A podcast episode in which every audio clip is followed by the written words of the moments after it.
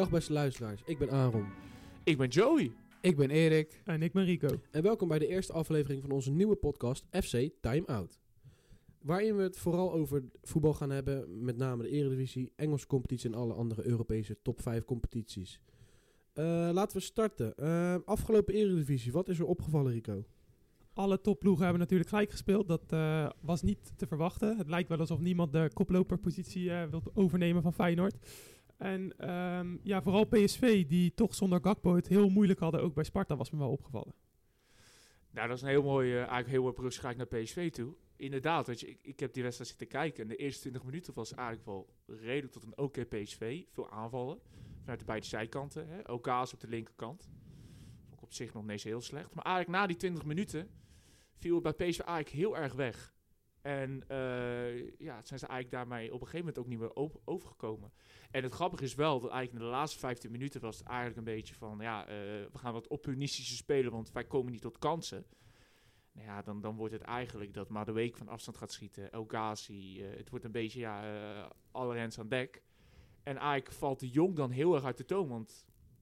Ja, die krijgen eigenlijk geen ene bruikbare bal meer dan. In principe moet je die jongen natuurlijk alleen maar gebruiken voor de lange bal en voorzet op zijn hoofdje geven en dan vliegt er altijd wel eentje in.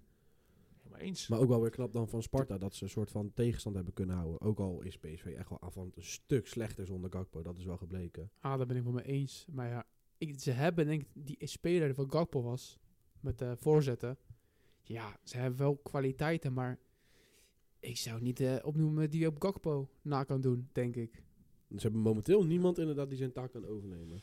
Nee, daar ben ik het helemaal mee eens. Kijk, je merkt ook, want we zijn natuurlijk, als je verder kijkt op bijvoorbeeld naar het bruggetje, naar bijvoorbeeld Sparta en de Beker.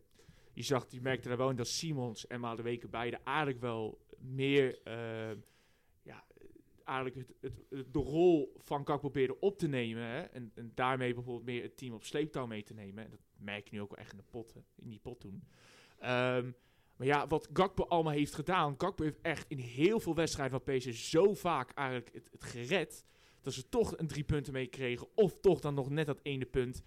En ja, dat gemis kan je ook niet terugkopen. Of je moet echt een hele goede speler terugkopen. Maar dat kost zoveel geld. Ik denk dat ze vooral gewoon de ervaring van Gakpo missen in de Eredivisie. Want ze, bijvoorbeeld die Madueke die heeft echt wel de kwaliteiten om ook zoiets te kunnen doen. Hij heeft een dribbel, hij heeft een snelheid, hij heeft alles eigenlijk wel. Ja, behalve dan die goede voorzet die Gakpo ook heeft. Dus dan kan je minder Luc de Jong in stelling brengen. Dus misschien zouden ze dan anders moeten gaan spelen. Dat, want Madueke is niet echt iemand die alleen maar voor de voorzet gaat.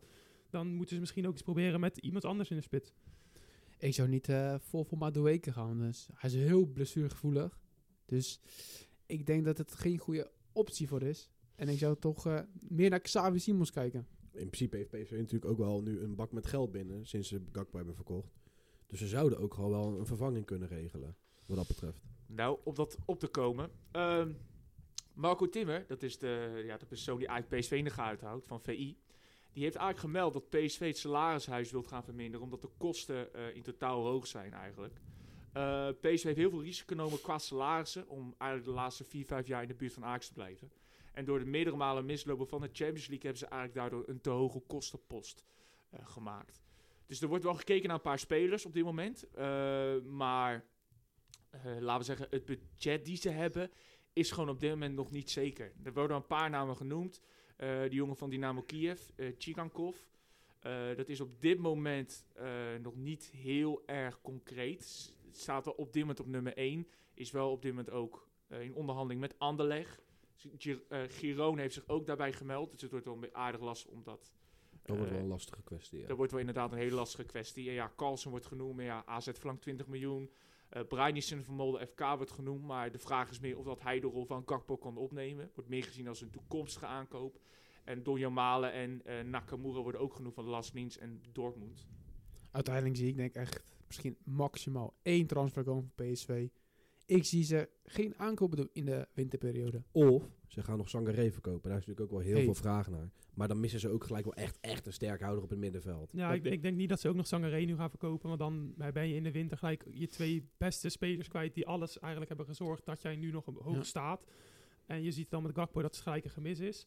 Maar dan zou ik ook van mening zijn dat ze wel iemand moeten halen die het daar gelijk kan staan. Dus niet zo'n talentje van eh, die voor de toekomst is, maar ze hebben wel echt nu iemand nodig die er nu staat. Ze hebben kwaliteit nodig. Zoals je- die Tsagenkov. ja, ze, ze hebben wel iemand nodig met kwaliteit en ervaring. Zeg maar hoe Tadic ook is ingekomen bij Ajax. Die kon gelijk echt wel gewoon de Eredivisie kapot spelen. Ja, maar dat is, dat is dan weer eigenlijk het brugje. Want het probleem daarin zit juist, is dat PSV op dit moment nog niet kan betalen. Wat bijvoorbeeld Ajax op dat moment toen, eh, hè, met, met bijvoorbeeld de aankoop van Tadic toen, eh, zou kunnen kopen. Kijk, de enige moment, eh, zo'n naam, die zou kunnen, dan zou je eigenlijk zeggen Dojan Malen. Alleen, Dojan Malen zou je hopelijk kunnen huren. Kopen zou echt niet kunnen. Dat, dat is dan meer voor, korte voor, ja, voor het korte termijn. Dus is dat wel handig? Moet PSV daar naartoe? Dat is eigenlijk meer de vraag. Ik denk dat sowieso voor PSV een lastige kwestie wordt aankomende tijd. En dat zal misschien wel voor heel de top 3. Want heel de top 3 heeft best wel slecht gespeeld. Laten we dat gewoon voorop stellen. Iedereen komt moeilijk uit de startblokken bij de, bij de winters- winterstop. Kijk ook maar naar eh, Feyenoord. Die hebben ook gewoon gelijk gespeeld. Ajax ook.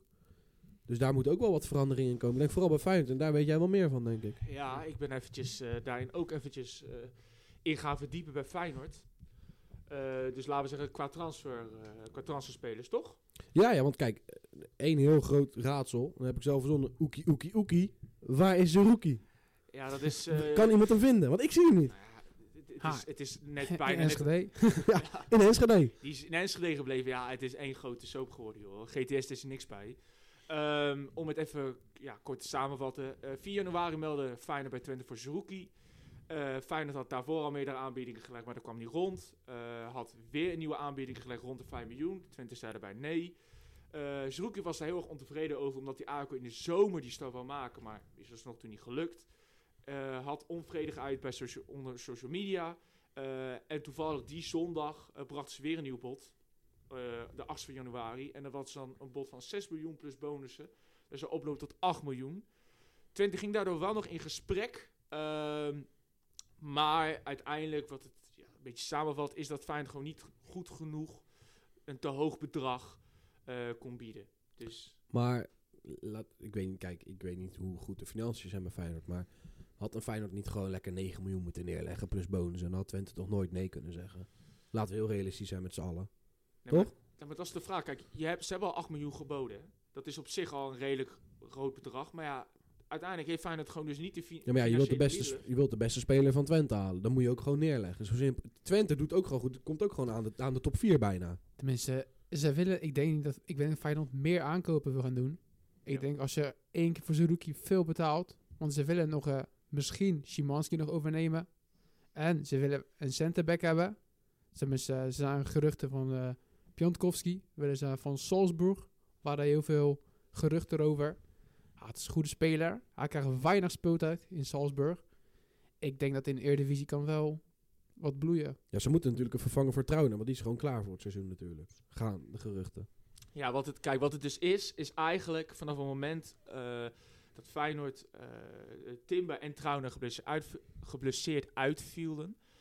Toen wou Slot Aken vanaf het begin Zerouki. Zerouki stond op stipte nummer 1 en Feyenoord was ook bereid om heel het budget daardoor uit te geven en dan een verdediger te huren. Nu Zerouki is geketst, eh, zijn er nog twee mogelijke alternatieven daarvoor over. Dus als we beginnen even over de zes. Eh Fileno wordt weer opnieuw genoemd. Oh, ja, Fileno wordt weer opnieuw genoemd. Eh, de technische staf wil het eigenlijk heel graag, omdat ze ervaring willen hebben op die positie. Eh, alleen, het is wel een aardig lastige constructie om het feit dat Filena is verhuurd vanuit Espanyol aan eh, Salernitana 1919. Dat zijn aardige teksten, man. Dat is een aardige tekst, een aardige Zo. moeilijke naam uit Italië. Dus dan zou Feyenoord, wat bijvoorbeeld hetzelfde nu is gebeurd, bijvoorbeeld het Weghorst met Manchester United, Besiktas en geloof ik Burnley. Met Burnley, ja. Ja. dan zou dan bijvoorbeeld een, een, een deal moeten gesloten worden met die Italiaanse club en Espanyol. Dat wordt wel een puzzel. Dus dat is inderdaad een aardige, aardige puzzel.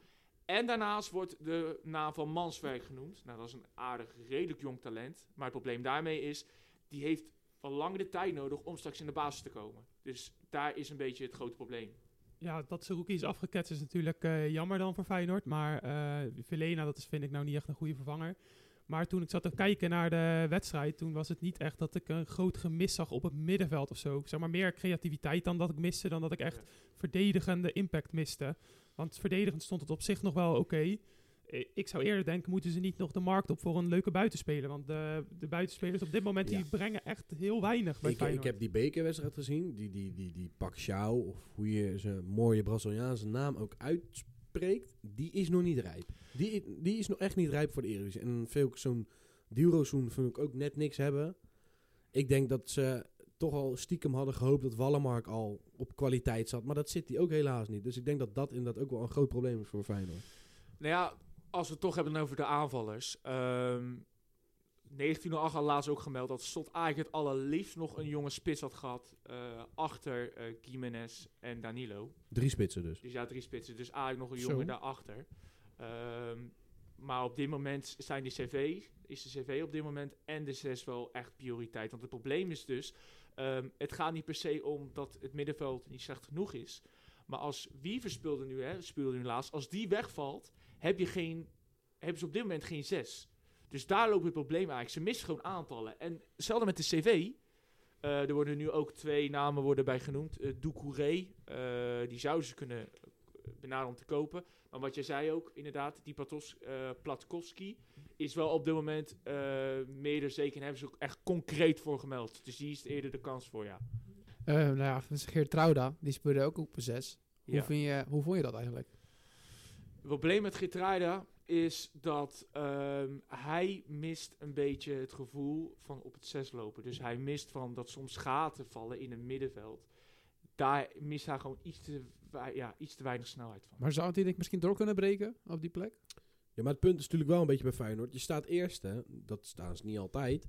Dus je moet nu wel echt gewoon goed blijven spelen. Dus hun hebben niet even de luxe om nu even een spelertje te laten wennen. Want dat is er nu niet. Want de top 3 zit zo dicht bij elkaar. En ze doen ook elkaar een beetje na. Want gelijkspel, gelijkspel, gelijkspel. De enige winnaar dat weekend was Twente. En die staat nu gewoon op Ajax op die hielen. Dus als Feyenoord zijn, dan kan je nu niet gokken van Mats Wiever. Die kan drie wedstrijden goed doen. En daarna kan hij natuurlijk echt een dikke dip krijgen van heb ik jou daar.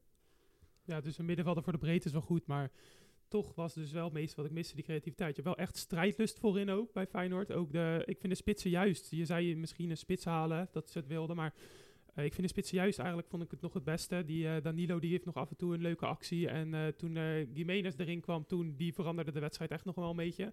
Maar eh, ja, zoals ik al zei, de, van de buitenkant ko- komt gewoon zo weinig. En het is weer kappen en weer draaien en dan weer... Er komt niks Ja. van die zijkanten. Vergeet ook niet hè, dat eh, ondanks dat het voor de breedte leuk is in het middenveld, eh, dit was tegen Pek Zwolle. Dat is natuurlijk een ander niveau. Als speel je als Feyenoord zijn is over, over hè, we hebben het over anderhalf week, twee weken tegen Ajax. Ondanks dat Ajax ook in een dipje zit, dan kan zo'n Mats Wiever opeens wel heel erg door de mand vallen, omdat hij nog best wel jong is en natuurlijk niet veel minuten in de benen heeft. Nee, maar eens maar even terug te komen op die spitsen. Ik, ik, ik, ik zeg dat net, maar dat ze nu een spits zullen halen of laten ze gaan aanvallen, staat wel echt nu derde of vierde op de ranglijst. Dat gaat waarschijnlijk nog niet zo snel gebeuren, denk ik. Ik denk eerder gezegd dat de 6 en de CV moeten eigenlijk nog in de komende twee weken nog eh, gedaan worden. Maar terug te komen op wat je zei van die aanvallers. Eh, ja, weet je, ik, ik heb bijvoorbeeld hè, toen tegen Utrecht speelde Deelroos, Deelroossoen, Pashao en Danilo. Deelroossoen heeft op die rechterkant alleen maar staan kappen en draaien. Die heeft geen voorzet gegeven. Ja, die heeft het halve bos omgekapt. Hè? Die heeft, die heeft echt het eh, hele, hele eh, bos bijna half omgekapt. Pedersen daarachter, daar ben ik, daar ben ik sinds kort achter gekomen. Dat is de besluitloze rechtsback. Die, die krijgt de bal dan. Die loopt verder op. Dan komt hij op een gegeven moment bij de cornervlag. Of die komt richting de 16. En dan zie je hem met die benen bewegen van... Oh mijn god, wat ga ik nou doen? En dan uiteindelijk eindstand. Ja, dat is echt bizar. En eindstand paast hij dan weer terug. En dan is, is, de, aanval, is de angel uit de aanval. hey, ik ben geen profvoetballer, maar je zou zeggen, geef gewoon een voorzetje. Ja, ik vond die. eh, ik zat ook naar die Pedersen te kijken. En eh, ze- daar bij Utrecht hebben ze wel een leuk eh spelertje lopen, die Boussaïd. En die had in de eerste helft had Pedersen daar echt best wel veel moeite mee met die Boussaïd. Die een beetje ja, een eh, dribbel in de benen heeft en een beetje snelheid. En eh, ja, de tweede helft toen had hij zich wel goed herpakt. Maar het is dus ook wel wisselvallig. Want die eerste helft was hij dus echt best wel, werd hij wel weggespeeld door die Boussaïd. En de tweede helft had hij wel weer echt in zijn broekzak zitten. Dus dat is ook maar wisselvallig.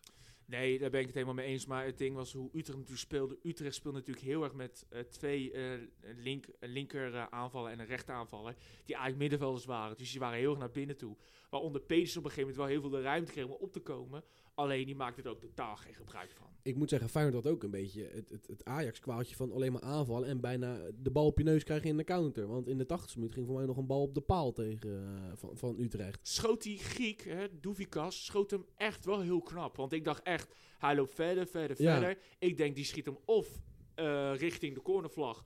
Of die schiet hem Het eh, stadion uit. het stadion uit. Maar Dus hij schoot hem nog best wel netjes Hij op de paal. schoot hem echt netjes op de paal. Dat was het goed binnenkant paal. Ik had Dat niet verwacht van die 2-0. jongen. Spraken over knap. Zo, wat een mooie eh, goal van Utrecht hoor. Hakje van Dost en afgemaakt door Toornstra. Ja, Dat was kijk, goeie Zo, goal. Goeie een goal. mooie goal hoor. ik denk dat het bij elke Feyenoorder wel een beetje pijn in zijn hart deed dat toevallig Zeker. Toornstra was. Maar Toornstra Ja. had ook, eer- dat, vond ik wel, dat vind ik wel leuk. Toornstra had voor mij eerlijk gezegd van, eh, ik ga denk ik wel juichen tegen Feyenoord omdat ik niet meer zo vaak de kans krijg om te scoren. Hij zegt natuurlijk het blijft mijn clubje, maar ik ga toch wel eens tegen ze juichen. Ja, maar dat ook- wel is toch ook goed? Toen hij er ook afging, toen gingen ook alle Feyenoord-fans ook Ja, het, klappen. het is Dus natuurlijk een legende voor Feyenoord. Dus dat is ook wel weer dubbel zo grappig als dan uiteindelijk Toornstra ook een goal maakt. Uiteindelijk is het toch 1-1 en blijft Feyenoord kop, Eh, op de koppositie. En soms dacht ik oprecht, ook toen ik hem zag spelen, dacht ik van, waarom is hij eigenlijk weg bij Feyenoord nu ze dat middenveldprobleem hebben? Eigenlijk hij, wel. hij speelt nog ook ge- gewoon best wel goed. Ik zag hem mooie breedte ballen geven. Ik zag hem rennen voor zijn leven. Ik, ik zag hem alles doen. Dan, Eigenlijk mis je bij Feyenoord nu- wel een Jensje. ze hebben nu breedte nodig op het middenveld. En dan is zo iemand weggegaan. Dat is, dat is eigenlijk het hele ding. En eigenlijk was Slot ook Toornstra helemaal niet kwijt. Hè? Maar het ding is dus, eh Toornstra zag op een gegeven moment de hele metamorfose dat in de zomer is geweest. De helft van de selectie was weg, er kwam een hele nieuwe selectie erbij terug. En Toornstra voelde zich eigenlijk zo van, ja weet je, ik zit nu in een hele nieuwe selectie, maar ik voel me eigenlijk niet op mijn gemak. De club is nu aan het groeien, dacht hij. Eh, misschien is het nou wel zo dat het voor mij ook beter is om nog even een stapje naar Utrecht of naar een Adendsnoes te gaan maken. Want hij, ja, hij voelde zich op een gegeven moment niet meer op zijn plek. En ik denk dat hij daarom weg is gegaan. Ja, en omdat hij natuurlijk veel op de bank terecht kwam. Hij was Ja. niet meer echt de, van de elf basisspelers. Hij was een van misschien 13e, 14e, zoiets. Hij zat misschien in de top 15 van Ja. de elftal natuurlijk. Leuk invaller vooral was het. Dus buiten Utrecht om, hè, ik heb ook even Pek zitten kijken. En dan moet ik ook wel eventjes een, een, een dikke shout-out wil ik even doen naar eh, eh, Dick Schreuder, de broer van Alfred Schreuder. Ah, mooi. Oh, de, gewoon, de broer. Dat is de ja, broer. het ook wel de broer, maar je merkt ook echt dat het, broer, dat het de broer is. Zijn, zijn ze allebei zo slecht dan? Nou ja, dat, eh dat mag jij straks gaan Oké, ja, beoordelen. daar gaan we het zo over hebben. het Over Alfred gaan we straks over Dat hebben. was een statement. dat was een Maar statement. over Dickie, Dickie noem ik hem nu wel even. Ja, vind ik zo mooi. Die komt daar aan, die speelt 3-5-2. Of ja, 3-5-2 was geloof ik. En die is gewoon keihard gaan aanvallen. En na dus die goal, dat overigens die goos van een Wat een goal. is Zo bizar. Boom! Ja, maar Zo, die schoot hem die, erin. die had niemand gehouden. Echt. Die had Pruim van de. Sar niet gehouden. Echt, Ah, Stekelenburg wel. Ja, Pruim weer wel. Zo, die schoot hem echt prachtig erin. Met zijn links, hè? Maar Echt. waarom heeft hij nummer 4? En loopt hij voorin?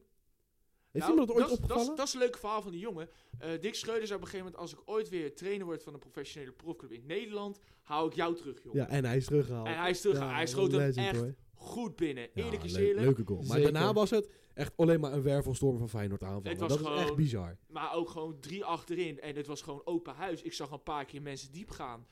En dan was het gewoon één tegen één op een Ja. gegeven moment. Denken we zelf, Pek, wat doe je jezelf aan? Ik doe had- nou niet. Ik had dus verwacht dat hij gewoon de stadsmuren van Zwolle om het goal ging bouwen. En dat hij gewoon vol gas parkeerde bus zou spelen. dat dacht ik nou ook. Want het is een bekertoernooi. Dat is voor PEC juist leuk als je daarin kan doorbekeren met zo'n stunt tegen Feyenoord. Maar uiteindelijk hebben ze geprobeerd op karakter te voetballen. Nou, dat kunnen ze net niet. Helemaal eens. En het grappige was ook...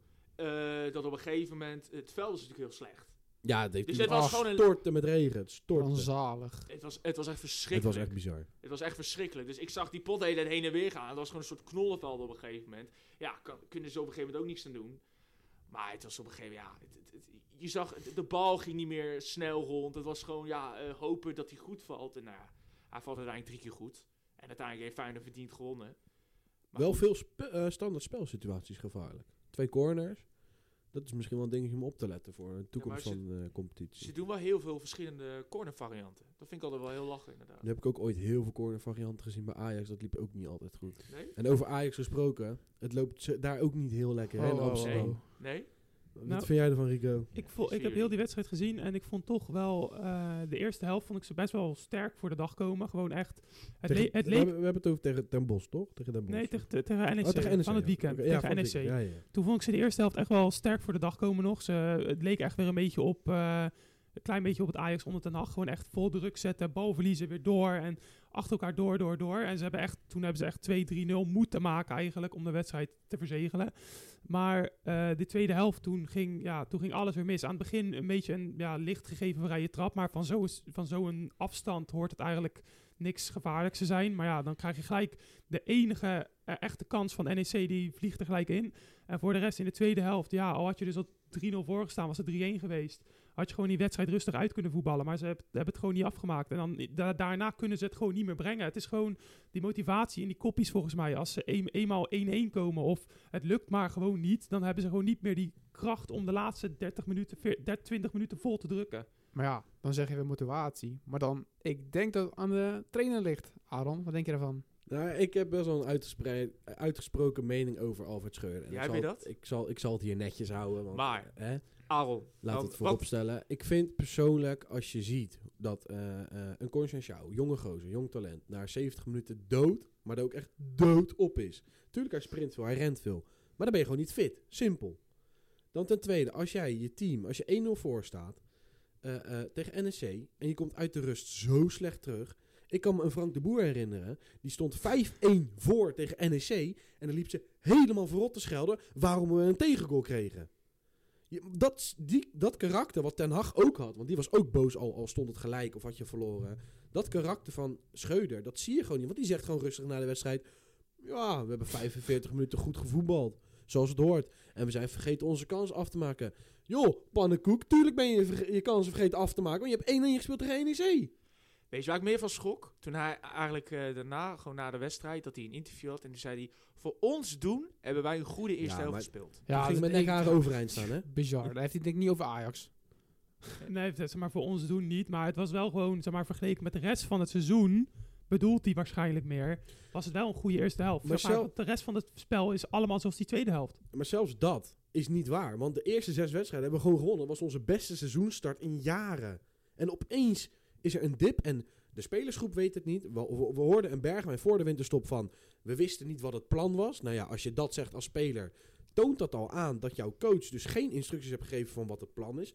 Of ze weigeren het plan van Schreuder. Want ja, Schreuder is ook niet altijd vriendjes met iedereen. Kijk maar naar de situatie Daily Blind. Gaan we het straks nog over hebben. Dus ja, eh, waar ligt het probleem dan? Ja, ik denk ook wel dat het grotendeels ook aan de coach ligt. Maar ehm, ja, dan heb je natuurlijk... Nu krijg je twee grote wedstrijden tegen Twente, tegen Feyenoord. Die komen eraan. Als, als je die dan ook, zeg maar... Als je daar te veel punten laat liggen... dan denk ik ook wel dat ze hem er wel uit moeten gooien. Maar, ehm, hoe heet het? Wie zou hem kunnen vervangen? Ik denk, eh, als stel ze spelen gelijk of ze verliezen Twente, nou, dan ben ik eh, klaar.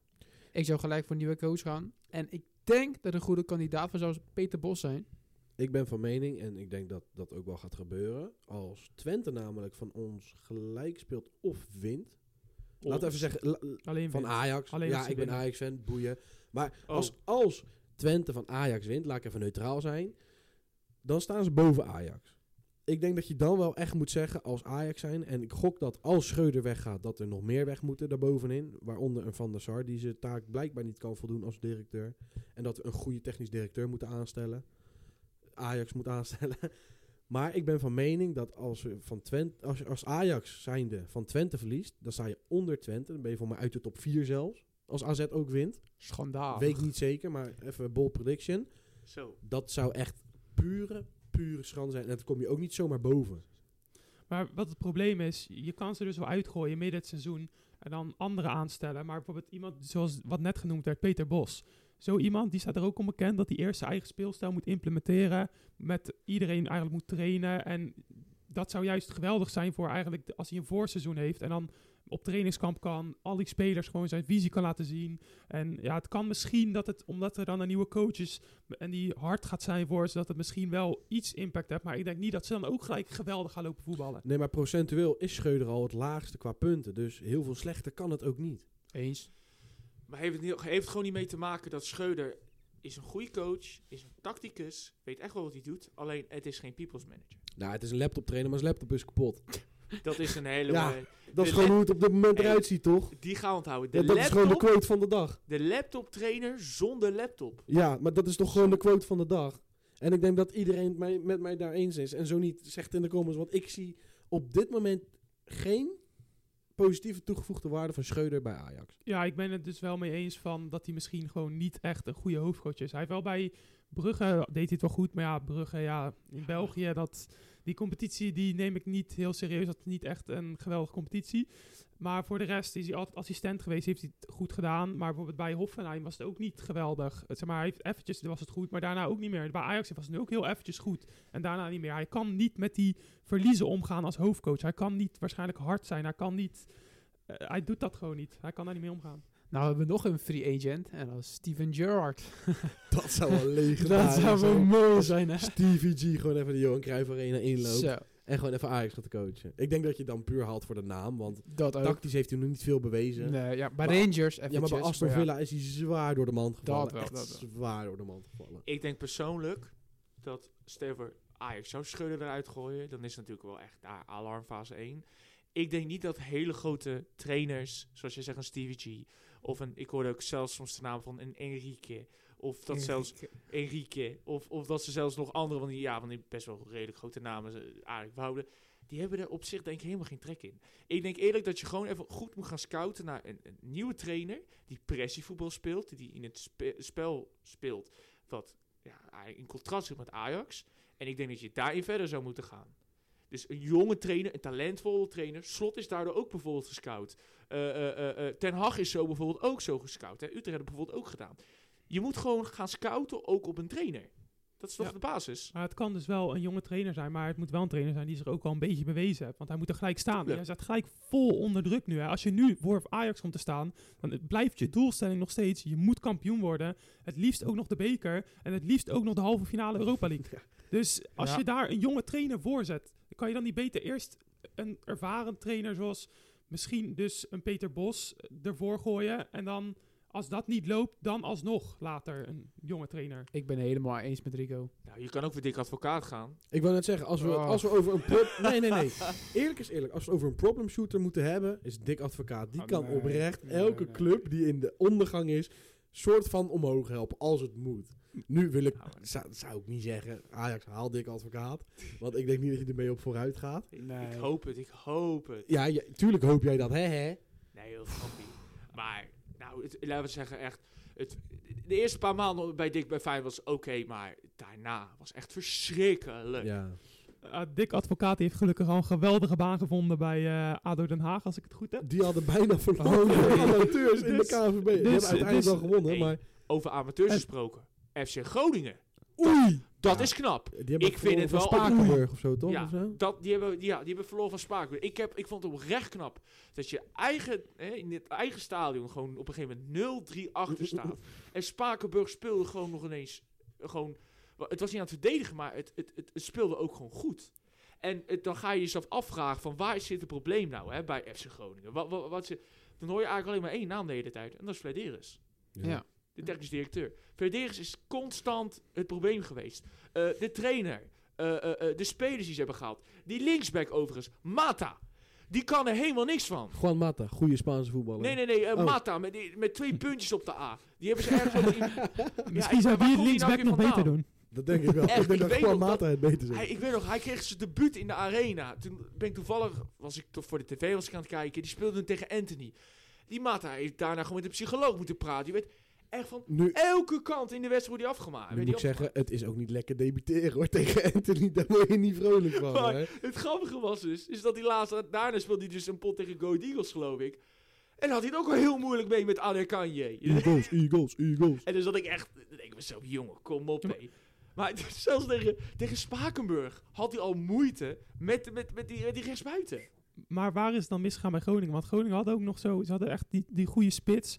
Die, eh die- Strand Larsen volgens Ja, mij. ja, ja. Ja, die, En die, hebben ze verkocht verkocht Die voor best wel wat geld. Maar dat hebben ze dan niet goed geherinvesteerd. Kijk, de enige speler die ik oprecht echt goed vind en die ik ook zou nog kunnen zien bij de top 5 ploeg, is Peppi.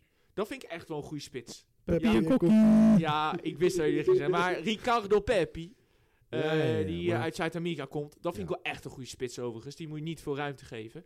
Maar buiten dat, eh of- Balk had één leuke kapot en die vind ik daarna eigenlijk ook steeds minder worden helaas. Eh, dan hebben we het ook bijvoorbeeld over het middenveld. Overigens nu, de nieuwe trainer die er nu speelt. Dennis van der Rey. Die was videoanalist bij Feyenoord. En die, die is toen uiteindelijk assistent geworden bij FC Groningen. Die is nu trainer.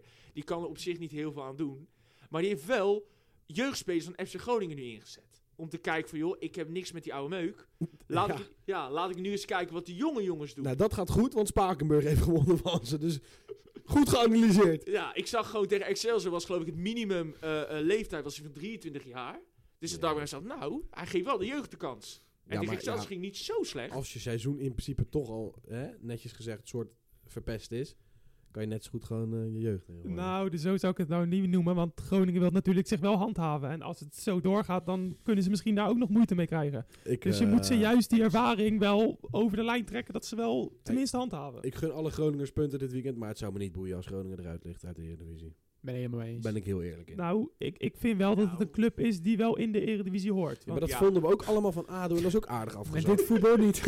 Dat is het. het is heel simpel. Als je kijkt naar een, een, een Sparta die het leuk doet, een NEC die het jammer genoeg leuk doet. eh, dat soort ploegen gingen vroeger jaartje Eredivisie eruit, jaartje Eredivisie eruit. Tegenwoordig doen die het gewoon goed. En Emmen eh, zit ook alweer een aantal jaren in Eredivisie. Dat soort ploegen houden nu gewoon vol. Dus gaan de anderen sneuvelen, zoals een Groningen, zoals een ADO, noem maar op. Ja, maar dat is eigenlijk het hele probleem geweest van al die clubs. Eh, Groningen is eigenlijk vroeger altijd een subtopclub geweest. ADO eigenlijk idem dito, hè.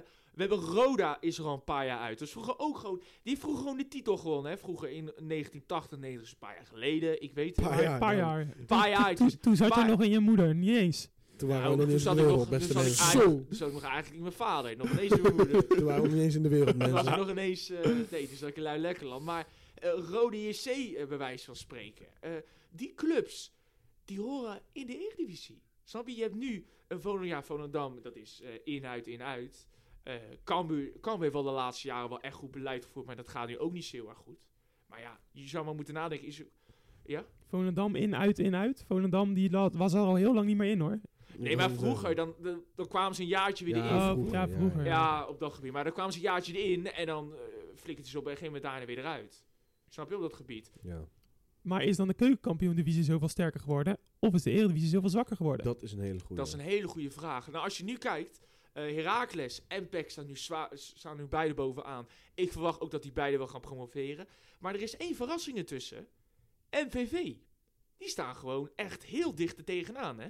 Als die play-offs halen, zou wel legendarisch zijn, toch? Ja, MVV is al heel lang niet meer de Eredivisie geweest. Maar die hadden vroeger ook een aardig grote historie. Eindhoven doet het ook redelijk goed. Ja, persoonlijk kijk ik niet heel veel keukenkampioen Nou, weet je maar... wie slecht doet? Dan Als echt over de teams die slecht doen, NAC. Die is ook zwaar afgegleden. Zo, dat is heel erg Een avondje nak, wie wil dat nou niet? Gewoon ordinair zuipen in, in, in Breda. Zo. Dat is toch gewoon lekker. Ja, maar je hebt dus wel inderdaad een paar Eredivisie-ploegen die vroeger toch wel veel in de Eredivisie zaten. Zoals NAC, zoals Roda, die Ja. daar lang hebben gezeten. Die nu helemaal afgedwaald zijn. En dan in de plaats van die ploegen zijn er ook een paar zoals Emmen ja, teruggekomen. Fortuna, eh, ja, noem er maar nog een Maar paar. Wat ik eigenlijk wou zeggen is dat de laatste vijf jaar lijkt het alsof de top vijf sterker en sterker wordt.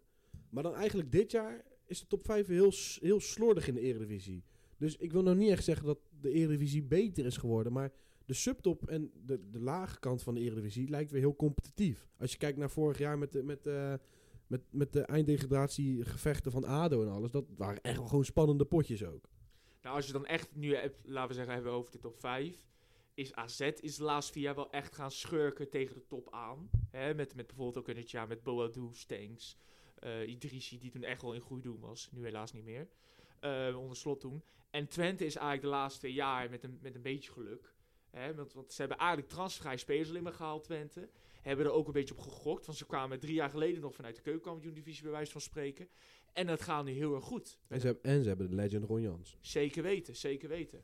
dat de top is afgezwakt, wat je zegt, nu, dit seizoen. Dat komt natuurlijk ook omdat, ehm, hoe heet het, al die ploegen zitten nu precies in een periode dat ehm, belangrijke spelers of trainers weg zijn gegaan. PSV had een goede periode met Gakpo dus. Gakpo is weggegaan. Dat gaat nu iets minder. Ja, ze hebben, daarvoor ging het ook al wat minder. Maar ja, PSV schommelt altijd wel een beetje.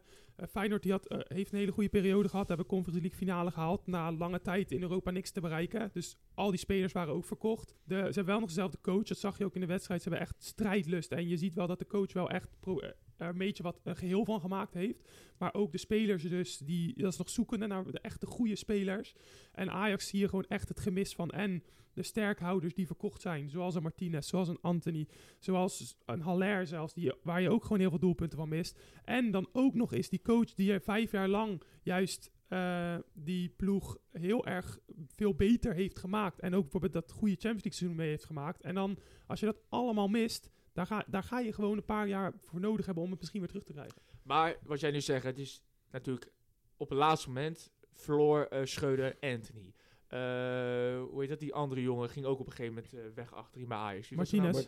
Martinez. Ging ook weg. Eh, op het middenveld zijn ze ook iemand, ook toen, uh, Gadenberg. Gravenberg. Gaven zijn ze verloren. Masraoui verloren. Mazraoui zijn ze verloren. Hij is wel in een korte tijd bijna heel die basis zelf kwijtgeraakt. Kan je hem dan alsnog de schuld geven dat het dan zo slecht gaat? Ja. Want hij zei het wel in het laatste moment ook van ja, Dat ik klopt. wou liefst niet dat Anthony weggaat en hij gaat toch weg. Dat klopt. En dat vond ik ook, dat was ook niet netjes van Ajax. Maar ja, als jouw speler gaat weigeren om te spelen, kan je hem net zo goed verkopen voor de hoofdprijs. Nou, dat is aardig goed gelukt met 100 miljoen. Laten we heel eerlijk zijn. Je mag, Yes. niet, je mag niet in tranen zitten omdat Anthony weg is, want die heb je gewoon verkocht voor 100 miljoen. Nou, dat is een vermogen. Daar, met 100 miljoen zou je gewoon heel NAC Breda kunnen kopen, hè? Hey, Laten we even realistisch zijn. hey, hey. En Ocampos kwam daarvoor terug. Goeie speler hè, Ocampos. Ja, maar die gaat gelukkig ook weer voor mij deze winter. Maar ik, ik, ik zeg maar, mijn mening, ik, ik vind zeker dat je het Schreuder kan aanrekenen. Want de eerste zes wedstrijden heb je gewoon gewonnen. En speelde een redelijk lekker team. Bergwijn maakte gewoon zijn goaltjes. Maar iets heeft geknapt in die wedstrijden, waardoor de ploeg of niet meer een ploeg is, of dat ze geen vertrouwen meer hebben in Schreuder. Want je hebt dat gezeik nu met Blind, waardoor die weg is gegaan. Nou ja, er gaan geruchten dat hij aardige ruzietjes had met Schreuder in, in de kleedkamer. Nu weet ik niet of Blind ook niet helemaal netjes is geweest, maar dat zullen we nooit weten. Dus ik vind persoonlijk wel dat je hem kan aanrekenen. Ook gesproken over op campus. Ik heb geen idee wie hem gescout heeft. Wat voor nut heeft hij ingebracht bij Ajax? Ja, ik vind, wat ik vooral bizar vind, is dat ze dan die raad van commissarissen, die hadden die keeper toen eerst afgewezen. Vlagimodos Die, die Vlagimodos, die hele goede, die, 28 die keeper die best jong is, gewoon basis staat bij Benfica, dat wijzen ze af. Maar dan denken ze bij die Ocamp- Campos dus blijkbaar, oké, ja, niet kopen, maar die gaan we huren, daar gaan we geld in investeren. Dat is echt een topaankoop. Het, het, het leuke, leuke vergelijking ook met die Vlagimodos, die trouwens nu echt bizar goed keept bij Schmid in, bij, bij Benfica. Die wou, die wou Ajax niet halen. Nou, tenminste, de Raad van Commissaris heeft het geblokkeerd, want Ajax wou het wel. Maar de Raad van Commissaris heeft het geblokkeerd. Want die beste meneer was 28 jaar, had geen restwaarde. Want als je een contract van 4, 5 jaar had, had hij voor geen eh, eh, winst kunnen verkocht worden. Maar dan nu in de winter haal je Roelie, ook een prima keeper, ook veel ervaring. Maar die is twee jaar ouder en die ga je wel halen voor het ongeveer hetzelfde bedrag. En, en Wat is het beleid dan? vergeet niet, hij kon niet meevoetballen, hè, Vladimos. Dat was één van de hoofdredenen. Hij kon niet en, meevoetballen. en, en welke keeper loopt nu als, als, als een tierenlier beter mee te voetballen bij bij Benfica? Ja, Of lekker hoe die ook heet. Maar- Legend. Ik ga je nooit spreken, maar... Ter- terug te komen, nog even, laatste ding nog over Scheuder. Het schijnt dus ook dus zo te zijn, en dat heb ik eh, van eh bronnen, of nou ja, twee eh, grote Amsterdammers eh, Kale en Kokkie, My Legends. Echt, als jullie dit Ik- ooit luisteren, My Legends. Ik moet soms wel lachen als ik soms zo'n filmpje langs zie komen. Maar het grappige is dus dat het dus schijnt zo te zijn, is dat op een gegeven moment Scheuder, die was dan in de bespreking, en die zei dan op een gegeven ja, moment tijdens de training, ja. Dat was tijdens de training. Ja. Zei hij, Taylor, grote vriend, ik heb eens nagedacht, jij lijkt voor mij die ideale laatste man. Nou ja, kijk, het punt is dus... Hij heeft dus letterlijk in een kring- kringetje verteld... eh, Kenneth Taylor centraal achterin. Ja, mooi. Heel de selectie heeft hem letterlijk in zijn gezicht uitgelachen. En Kenneth Taylor zei... Waar wilt u dat ik ga spelen? Centraal achterin. Nou, die vind kijk, ik goed, die vind ik echt goed. Ik, ik, ben, ik ben geen coach, hè, dus ik kan ook niet oordelen hoe goed hij daarin is. Maar ik denk dat iedereen met een beetje verstand en genoeg chromosomen in zijn hoofd kan wel zien dat Te- Kenneth Taylor niet centraal achterin moet staan. Ik denk dat dat meer een beetje wanhoop is, omdat natuurlijk eh, Kenneth Taylor is wel tweebenig, dus die zou dan links centraal achterin kunnen staan. En op dit moment hebben ze wel echt iemand nodig die links centraal achterin kan voetballen. En Taylor kan wel voetballen, maar ja, maar dan kan hij dus niet echt verdedigen. Het punt is wel, eh, dan doet hij uiteindelijk Rens centerback. En dat is helemaal niet zo gek, want dat heeft Rens ook heel veel gedaan in de jeugd. In de jeugdteams van Ajax heeft hij ook af en toe op centerback gespeeld. Maar dan denk ik, als je dan weer op zo'n training zo'n uitspraak doet van Kenneth Taylor, ga jij maar centerback. Dan laat je weer heel de groep twijfelen van, maar weet deze man überhaupt wel waarmee hij bezig is? Ja. Of Kleiber centerback. Dat is ook nog een hele leuke in de voorbeschouwing van dit seizoen is dat ook geweest. Ja, het lijkt ook wel alsof hij gewoon te weinig druk voelt of zo. Omdat de Van der Sar, die blijft toch maar zeggen van ja, we geven hem nog meer kans, we geven hem nog meer kans. Hij, hij voelt geen druk van ik moet winnen of zo lijkt het wel. Maar dat is ook het punt, dat, dat werd ook gezegd in, in de video van Kale en Kokkie, van als Schreuder wordt ontslagen, dan moet je een meneertje erboven in het kantoor, Edwin van der Sar, die alleen maar positief is over Schreuder en de hele tijd eh, eh, hem nog een kans geeft, die moet dan ook weg, want die heeft zijn taak dan ook niet voldaan als directeur. Want je hebt nog steeds geen duidelijke technisch directeur naar Mark Overmars. Ja, Huntelaar en Hamstra nemen het over. Nou, ja, die zijn ook niet degene waarmee je het gaat redden. Want tuurlijk, ze hebben leuke aankoopjes gedaan hier en daar. Maar ik, ik denk ook flink wat mis aankopen. Als je kijkt naar een Bessie, als je die voor 24, 25 miljoen oppakt. Die is eigenlijk, laten we heel eerlijk zijn, nog geen 8 miljoen waard. Maar dan even verder te gaan. En dan kijken we nu even naar de toekomst toe. Hè? Of, of, ben je nog, of ben je nog niet helemaal klaar met je transfers? Nou ja, de trans, kijk, het transfers be- betreft binnen Ajax vind ik ook wel opmerkelijk dat een, een blind deze winter vertrekt.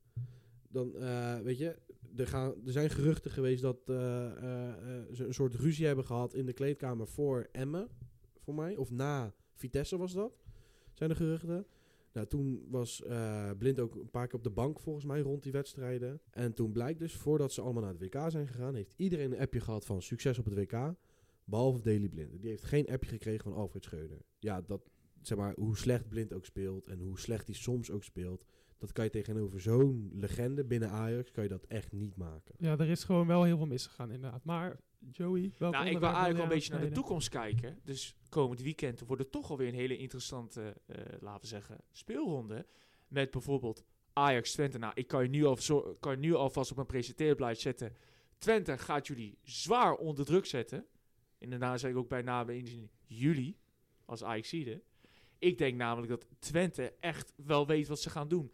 Met op de linkerkant, heb ik laatst gezegd ook tegen jou, Misijan. Als hij op de brommer is, is hij aardig op de brommer. En eh, als Sanchez daar tegenover staat, wordt het wel heel interessant om die twee tegen elkaar te zien. Ja, ik kan me nog herinneren dat ik in de arena zat tegen Vitesse. En er was ook een meneer die heel, sle- heel, heel snel was. En dat Ja? was meneer Manhoef. Ja? Die heb ik echt drie keer heel hard zien rennen. ja? Waarvan twee keer heel, heel hard zien rennen. Was er ook nog toevallig toen nog een flitspaal die dat... eh, nou ja, er kwamen wel wat flitsers vanuit het stadion, maar dat was niet voor hem. Dat was namelijk de rook van zijn schoenen, zo hard ging die.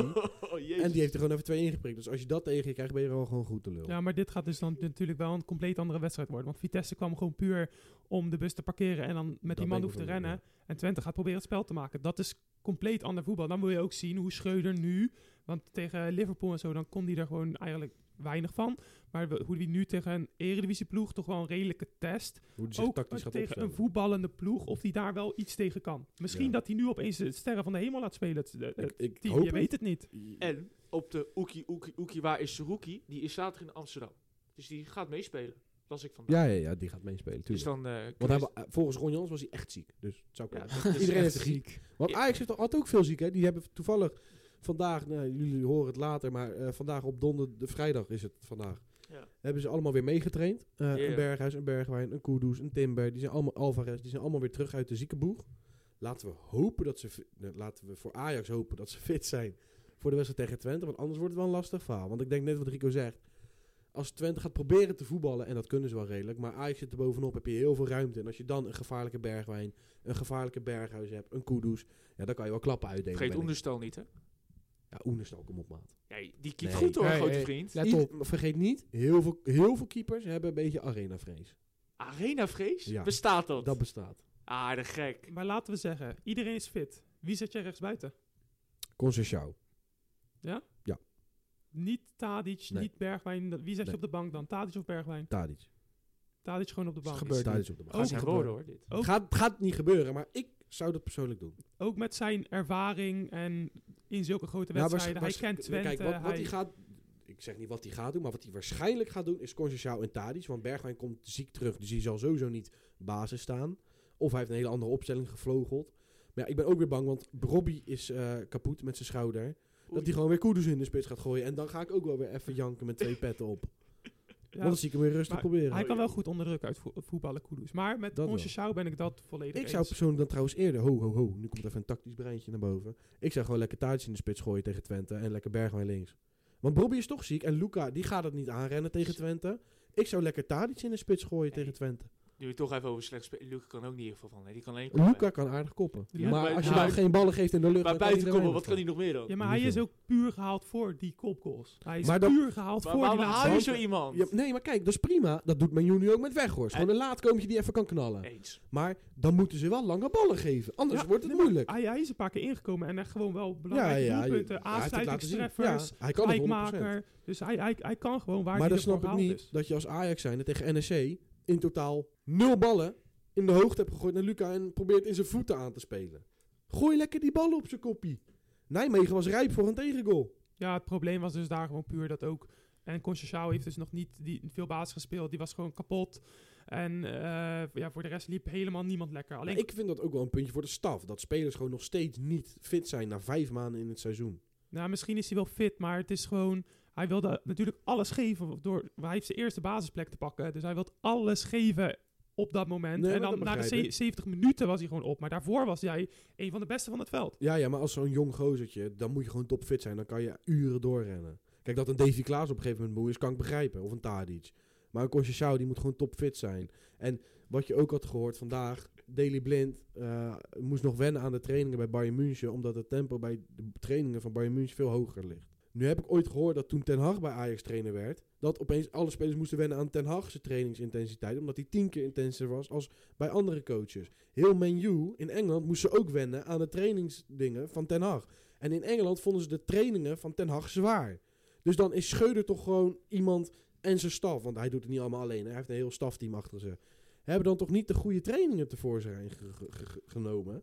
Ja, het kan best zo zijn dat dat zo is. Maar ja, dat gaan we dus zien. Maar als Schreuder eruit zou vliegen, dat misschien dan alles beter is. Maar eh, nu ben ik ook wel heel erg benieuwd eigenlijk. Hoe zit het eigenlijk bij slotse trainingen? Nou ja, ik hoor eigenlijk altijd alleen maar eh, positieve dingen erover. Toornstra overigens. Toornstra, hè, Toornstra loopt nu al lang, aardig lang mee in de voetballerij. Hè? En die heeft laatst een interview gedaan met eh ESPN. En toen Ja, in die bus toch? Eh, nee, was niet de bus. Was gewoon even één op één voor die Ah, wedstrijd. Toen met Feyenoord. En toen werd er net gevraagd van, joh, wat is nou eigenlijk, is Slot de allerbeste trainer geweest die jij tot nu toe hebt gehad? Hij zei 100%.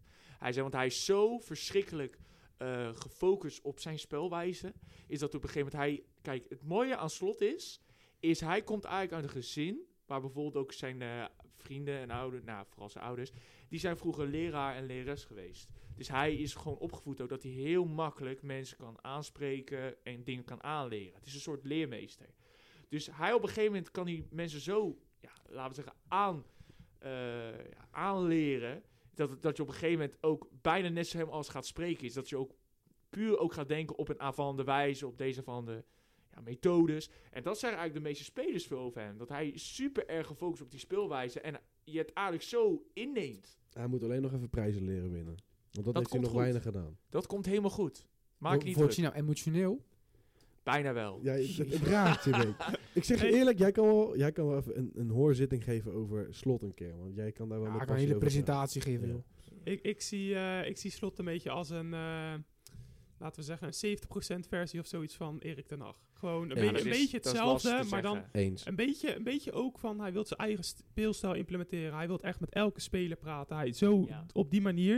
Ja. Maar hij is nog lang niet zo ver als dat ten Hag al is. eerlijk, jij hebt altijd als, als, als eerlijke Feyenoord-fan heb je altijd wel gewoon gezegd, Erik ten Hag is een hele goede trainer. Zeker. zeker Alleen, weten. Zeker daar ben ik het ook mee eens, zijn uitstraling is 0,0. Nee, maar als je kijkt, dat is Maar dat boeit niet als je gewoon een goede trainer bent. Tuurlijk, maar je hebt toch ook gezien toen met Louis van Gaal bij Manchester United dat wanneer hij dan ging spreken, dan was het bijna zo van. eh, That's another koek. Ja, that's another cook. Of. eh, eh, I- hey, hey, listen to the manager. ja, ja, ja, ja. Zulke dingen, weet je wel. En dat op zich, ja, weet je. Het heeft wel te maken met, ook met zijn uitstraling. Maar dat het een goede coach is, staat buiten kijf. Ik vond er bij Utrecht viel mij al op hoe goed hij was als coach. En dat hoor je ook heel veel vaker van de Joep bijvoorbeeld ook, hè. Overigens, mannen, we hebben nu genoeg over Ajax en de andere Eredivisieclubs gehad. Even over de Premier League. Arsenal gaat lekker. Chelsea daarentegen. Mag, mag eh, ik, eh, Ja, beginnen? ja, ja, begin jij maar Erik. Begin maar Nou, we hebben Chelsea met een goede transfer. Maar ja, dat zeggen we altijd bij Chelsea. Ja. Goede transfer, goede transfer. Komen telkens nieuwe. Joao Felix, Lenen. gehuurd, gehuurd, gehuurd. Ja, zonder optie tot koop. Ja. Ah, laten we, laten we een goede speler, hè. Maar ja, hij speelt de eerste wedstrijd. Pats.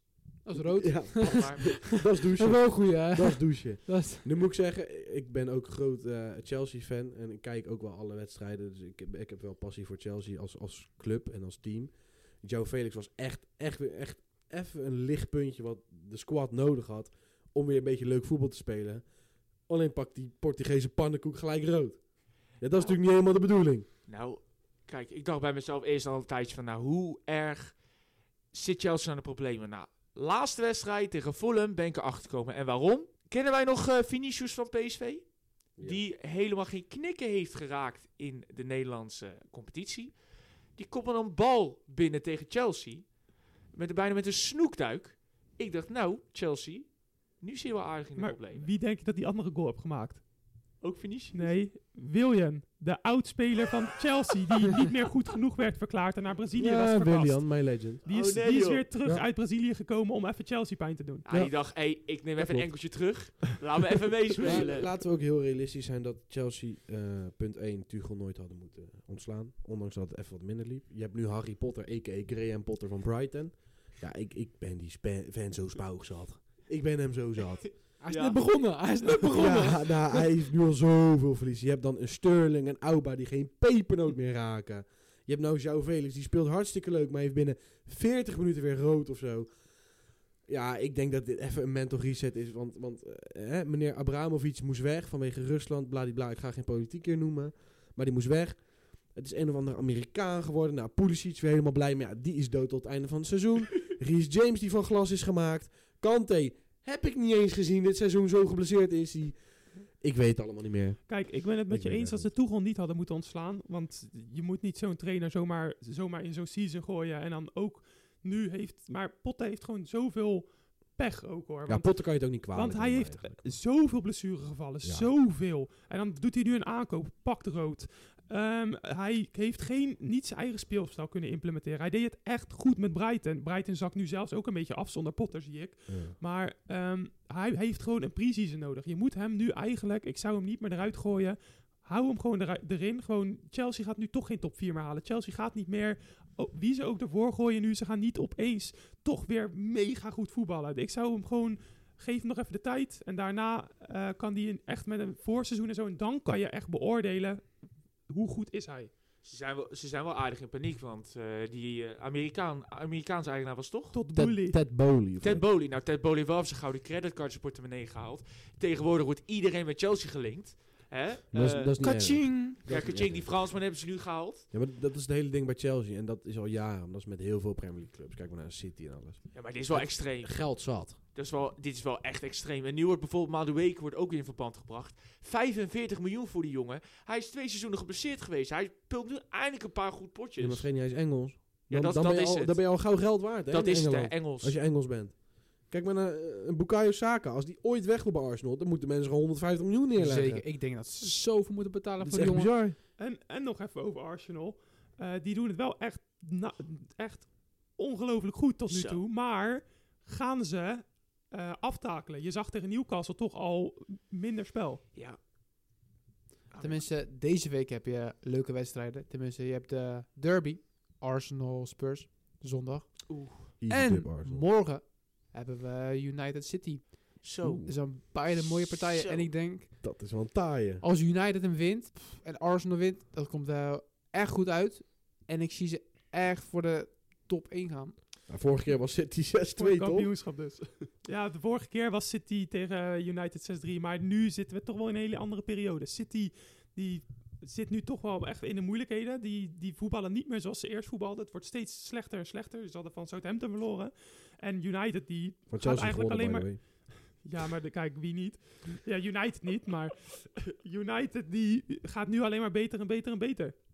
True. Nee, nee, Rashford is echt zwaar in vorm. Ja, die, Die man die speelt zo goed voetbal. die is uit het WK gekomen en die... Die is oprecht, sinds Ronaldo weg is daar, heeft, hij, heeft, hij heeft eigenlijk een nieuwe, Dat nieuwe is- taak om de generaal te zijn dat daar. is weer een jonkie wat hij was onder dat is echt bizar. Maar over Arsenal gesproken dan, hè. Weet je, ehm, aanvallend gezien missen we wel een paar pionnen natuurlijk, hè. Jesus liggen lang uit. Ik voel me al in het begin af, waarom ging Arsenal bijvoorbeeld niet voor Joao Felix? Vond ik een prima neer Omdat hij voor- leen is, puur leen. Ja, maar alsnog. Als Je hebt niks aan hem als Arsenal zijn. Maar Jesus ligt er wel voor lange tijd uit. Ja, maar kijk, Arsenal wil hem onderbouwen. Joe Felix, ik snap het van Chelsea eigenlijk ook niet. Ik ben blij dat hij er is, ook al heeft hij nu rood. Maar hij is maar zoveel wed- Hij is voor mij maar, maar 20 wedstrijden voor Chelsea. En daarna gaat hij terug naar Atletico met een verlengd contract. Dus hij gaat toch niet weg. Ik denk, eh dat ik ben me eens met Aaron. En dat zo Felix niet echt nu goed zou zijn. Maar ik, ze zijn bezig met Moedrik. Moedrik. Ah, dat vind ik En zo'n goede speler. Ze zijn heet het praten. Ze zijn telkens zo'n 75 miljoen plus bonussen. Voor mij wordt het wel een beetje gek. Er is veel geld voor de jongen dan. Zo, die vind ik wel echt goed, man. Moedrik. Nog even terugkomen op jou, Felix, naar eh, Arsenal. Ik ben het toch wel eigenlijk eens met Joey. Want eh, op dit moment is juist zo'n noodoplossing van zes maanden zou perfect geweest zijn. Want je hebt Jesus die er nu geblesseerd uit ligt. En Katia doet het wel goed, maar achter Katia heb je echt helemaal niks. Ja, maar ik denk dat we even vergeten dat Chelsea het volledige salaris van João Felix moet betalen van 20 miljoen in zes maanden. Hè? Wat is dat voor een Premier League club? Als Dat, je voor hoort, Arsenal, ja, nee, tuurlijk. Maar, Moedrik, ja, maar Arsenal wil toch bouwen. Arteta heeft toch een visie van dat hij zijn eigen team wil bouwen. Daar wil hij dus geen leenspelers in zijn basiself. Die Moedrik zou die tien keer liever een jaar willen laten wennen en daarna opstellen. Zeker. Als dat hij een leenspeler ja, maar gaat wil je nemen. daarmee wel je kampioenschap mislopen? Lopen ze niet mis, want ze winnen toch nog alles.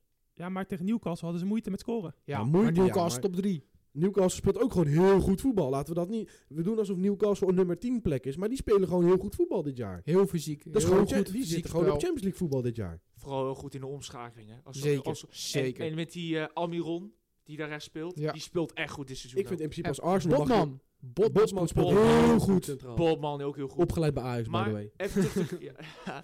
Nooit Eens. gespeeld. Nooit gespeeld, maar mee, mee bij Ajax. Hetzelfde met Per Schuurs. Die nu ook. Die, gaat nu misschien gewoon naar... eh, wat was het? Milaan, Inter. Inter Milaan. Mooi hè? Die man Maar speelt heel Italië kapot. Botman en Schuurs konden niet goed genoeg opbouwen, dus hebben ze Dat klopt. Maar in Italië hoef je niet te kunnen opbouwen en in Premier League ook net niet.